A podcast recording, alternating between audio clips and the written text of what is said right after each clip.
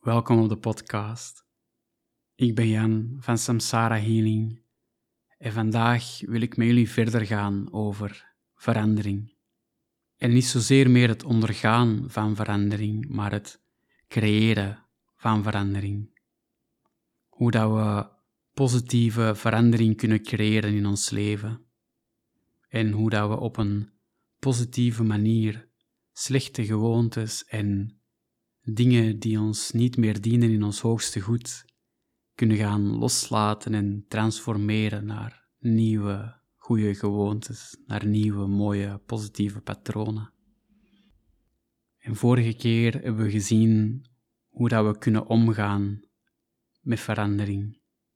Hoe dat we verandering kunnen gaan toelaten in ons leven en op welke manier we verandering positief kunnen gaan bekijken. En dat ging vooral over verandering die we ondergaan. Zaken die daar rondom ons gebeuren, die dat we niet in de hand hebben. Zaken die gebeuren, die verandering teweeg brengen in ons leven.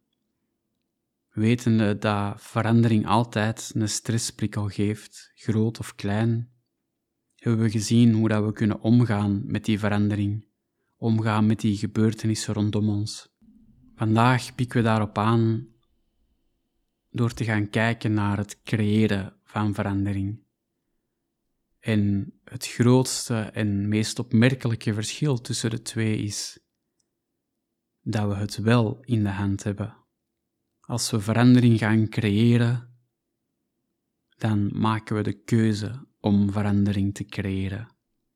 En dat is een heel belangrijk verschil. En als ik zeg verandering creëren, dan heb ik het voornamelijk over gewoontes, gedragingen, patronen, ons handelen, ons doen, onze gedachten, onze eetgewoontes, drinkgewoontes, houding, overtuigingen. Op welke manier we ons leven leiden. Leiden we ons leven met de korte ei of met de lange ei? Op welke manier kunnen we ons leven beter maken? Wat kunnen we veranderen om ons leven beter te maken? Is onze houding? Zijn onze overtuigingen, onze gewoontes, onze gedachten, ons handelen? En we hebben gezien dat alles constant in verandering is, in de positieve zin of in de negatieve zin. En het creëren van verandering begint bij het bewust worden van hoe je je leven leidt. Met welke houding, welke overtuiging, welke gewoontes en gedachten je in het leven staat. En de drang om verandering te gaan creëren komt heel vaak vanuit een ik wil beter gevoel. En dat ik wil beter gevoel, dat komt heel vaak voort uit ofwel een pijnprikkel ofwel een plezierprikkel. En als je daarnaar gaat kijken, naar die pijnprikkel, en je hebt het gevoel, ik wil beter, kan het zijn dat je beter wil omdat je ongelukkig bent, omdat je je niet op je plek voelt, omdat je niet tevreden bent met jezelf, of omdat je zelfs effectief pijn hebt. En die dingen gaan je aanzetten naar een ik wil beter. Maar ook met de plezierprikkel.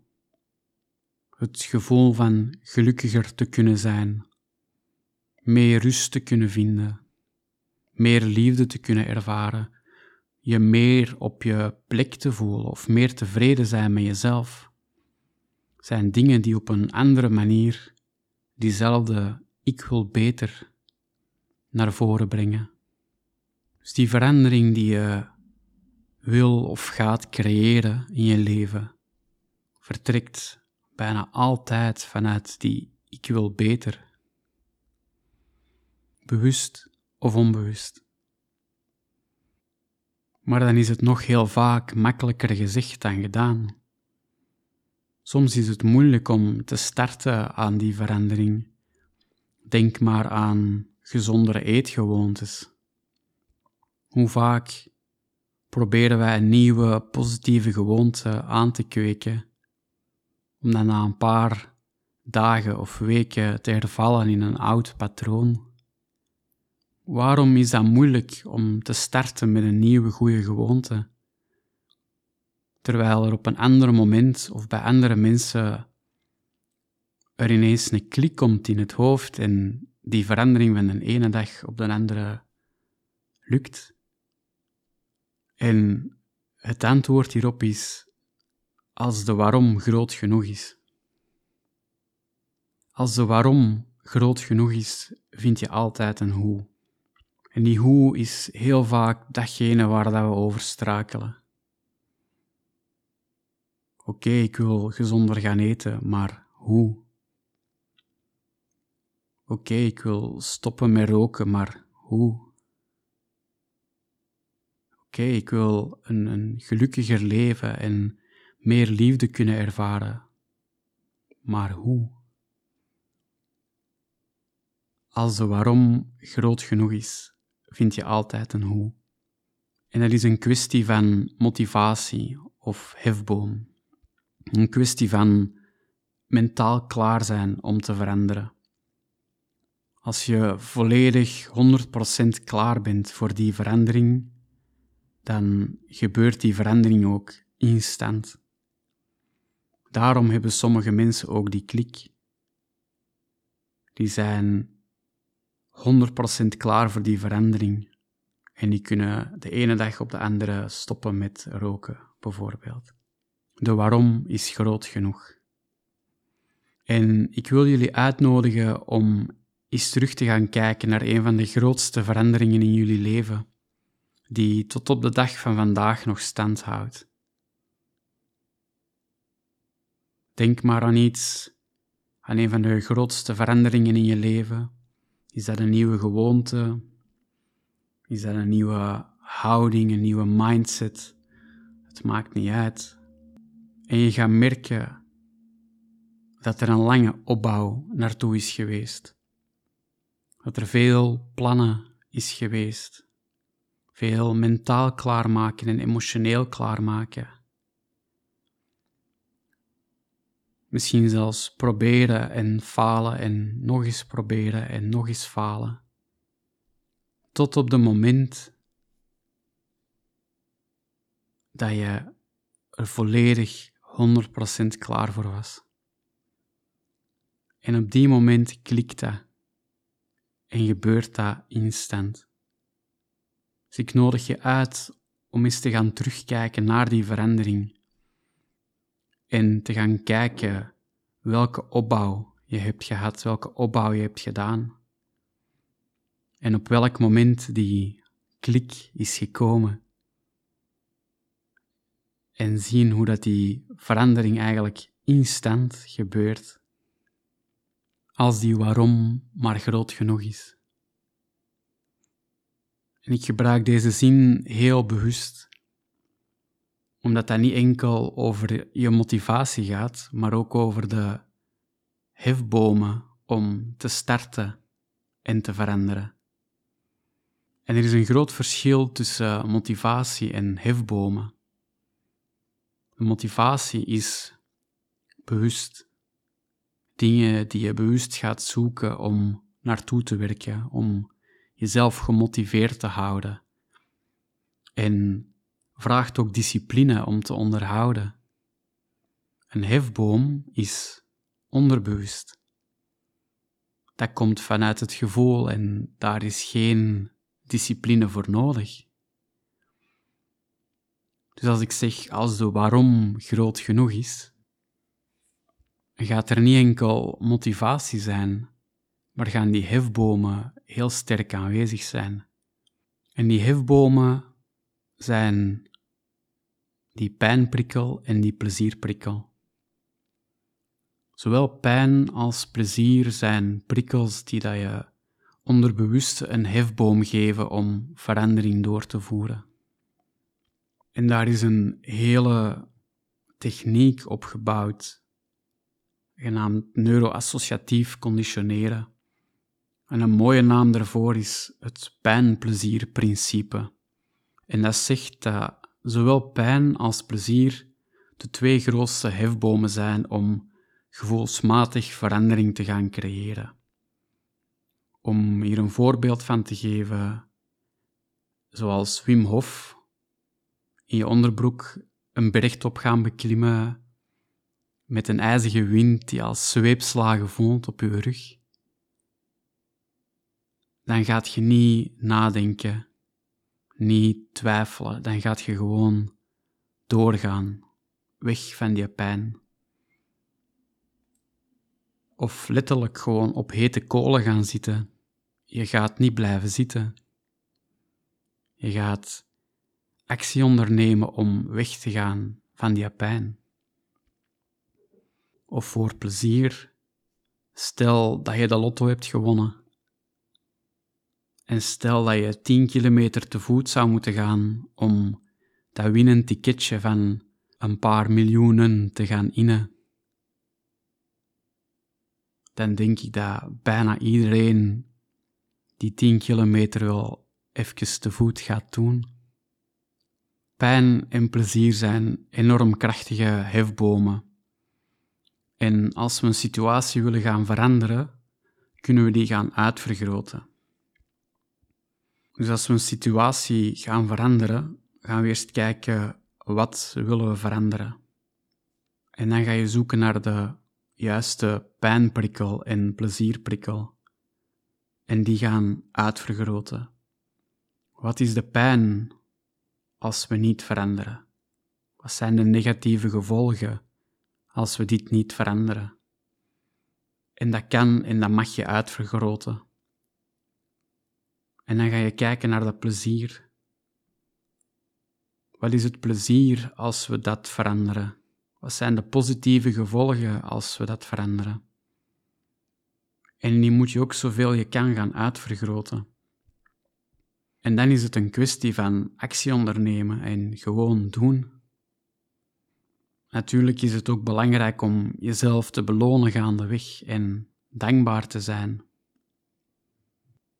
Dus als je iets wil veranderen in je leven, is het goed om bewust te zijn van de pijnprikkel waar je van weg wilt en de plezierprikkel waar dat je naartoe wilt en die zodanig te gaan uitvergroten dat er niet enkel een motivatie is, maar ook een onderbewuste hefboom is die dat de weg vrijmaakt om die verandering te doorvoeren. En je kan die hefbomen ook opschrijven en bewust gaan voelen om nog een sterkere stroming van energie te gaan creëren. En als we dan bewust op deze manier verandering aan het creëren zijn, kunnen we ook gebruik gaan maken van de law of attraction om plezier en mooie dingen en onze doelen te gaan manifesteren in ons leven. We hebben een tijdje geleden een aflevering gedaan over de Law of Attraction.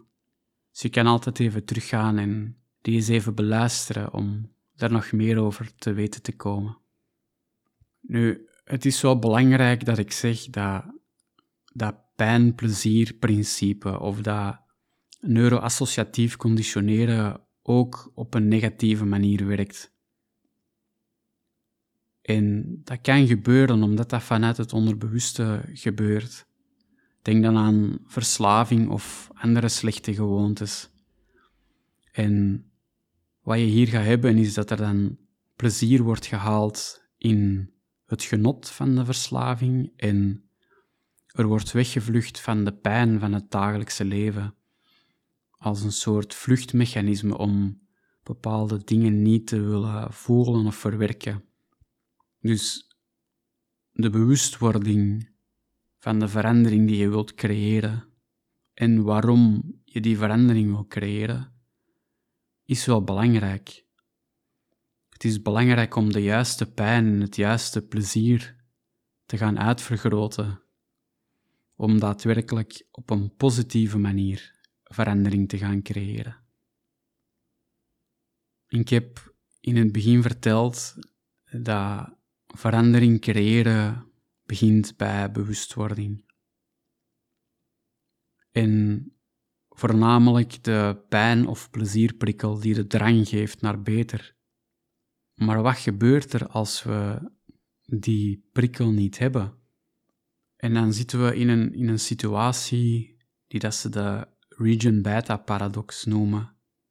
En die region beta paradox stelt dat we soms beter af zijn met een ergere situatie. Stel, je bent in een relatie, en dat kan intiem zijn, dat kan vriendschappelijk zijn, dat kan werkgerelateerd zijn, en je bent niet echt helemaal gelukkig. Je kan niet vrij stromen, je kan niet helemaal jezelf zijn. Uh, je geluk wordt belemmerd. Maar tegelijk ben je niet helemaal ongelukkig. Het kan erger. Het zal wel beteren. Misschien is het even een moeilijke periode. En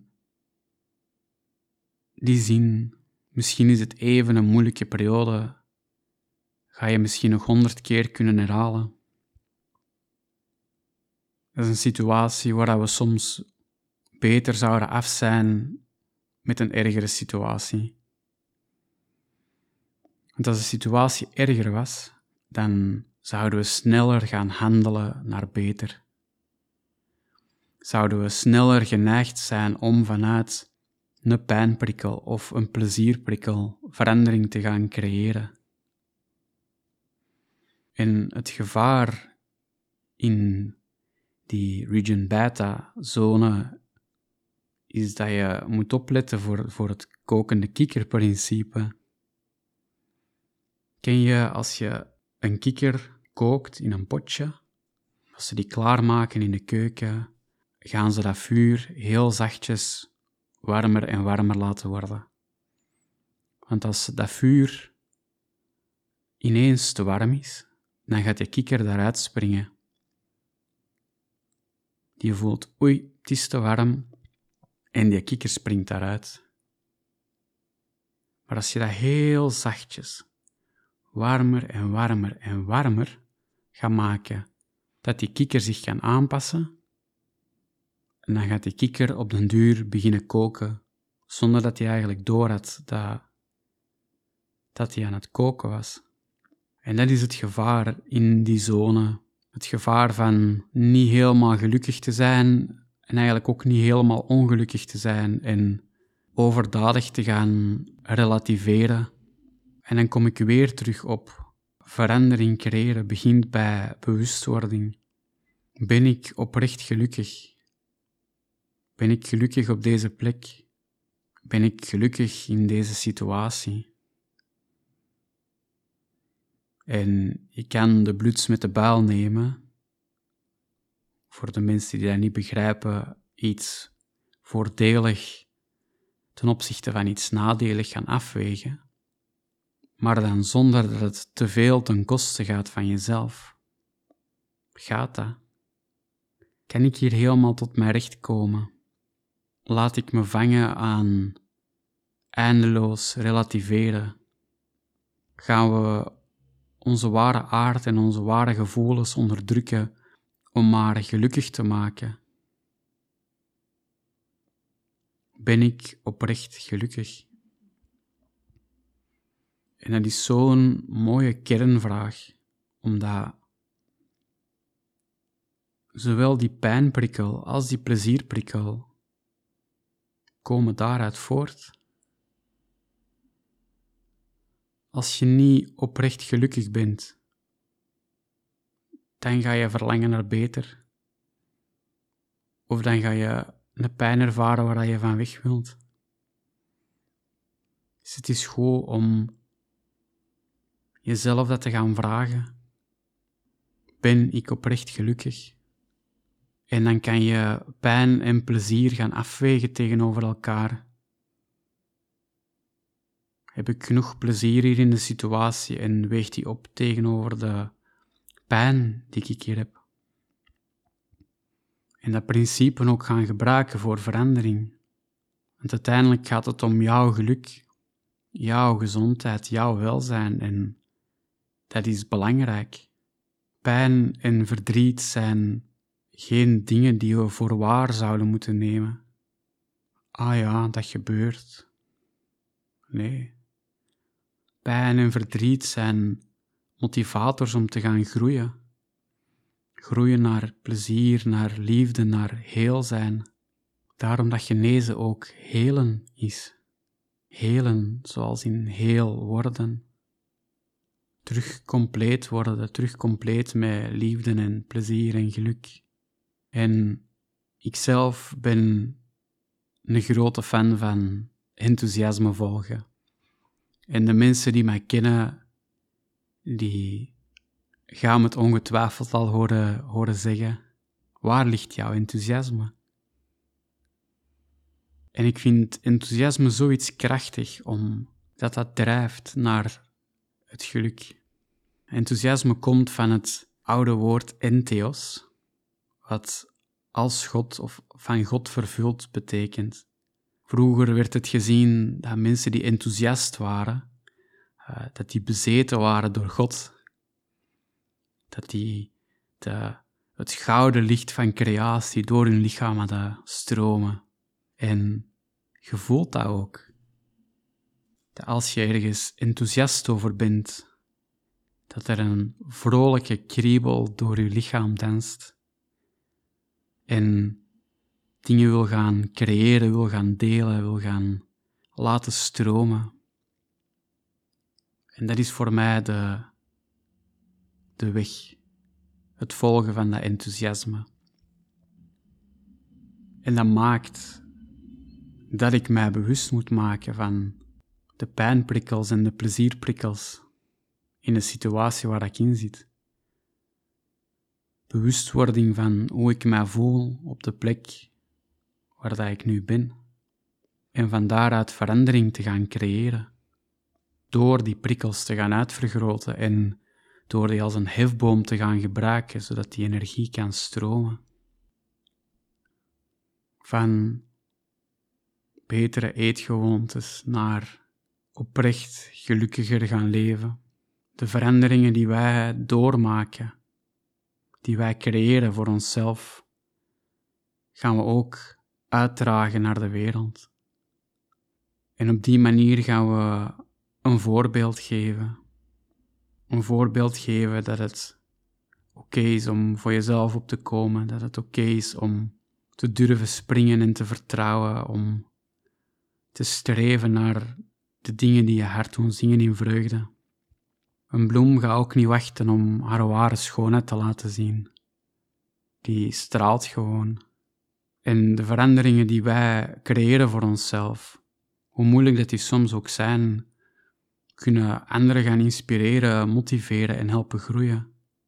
En op die manier kunnen we licht gaan stralen naar de wereld en anderen hun pad gaan verlichten. Gewoon door bewust te kiezen voor beter. En bewust te zijn van het feit, ben ik oprecht gelukkig. Ik hoop dat jullie iets hebben bijgeleerd. Als er nog vragen zijn, ik antwoord er met alle plezier op. Je kan ons vinden op Instagram en Facebook at Samsara Healing Center. Dankjewel voor jullie aandacht, voor jullie tijd. Dankjewel om te luisteren.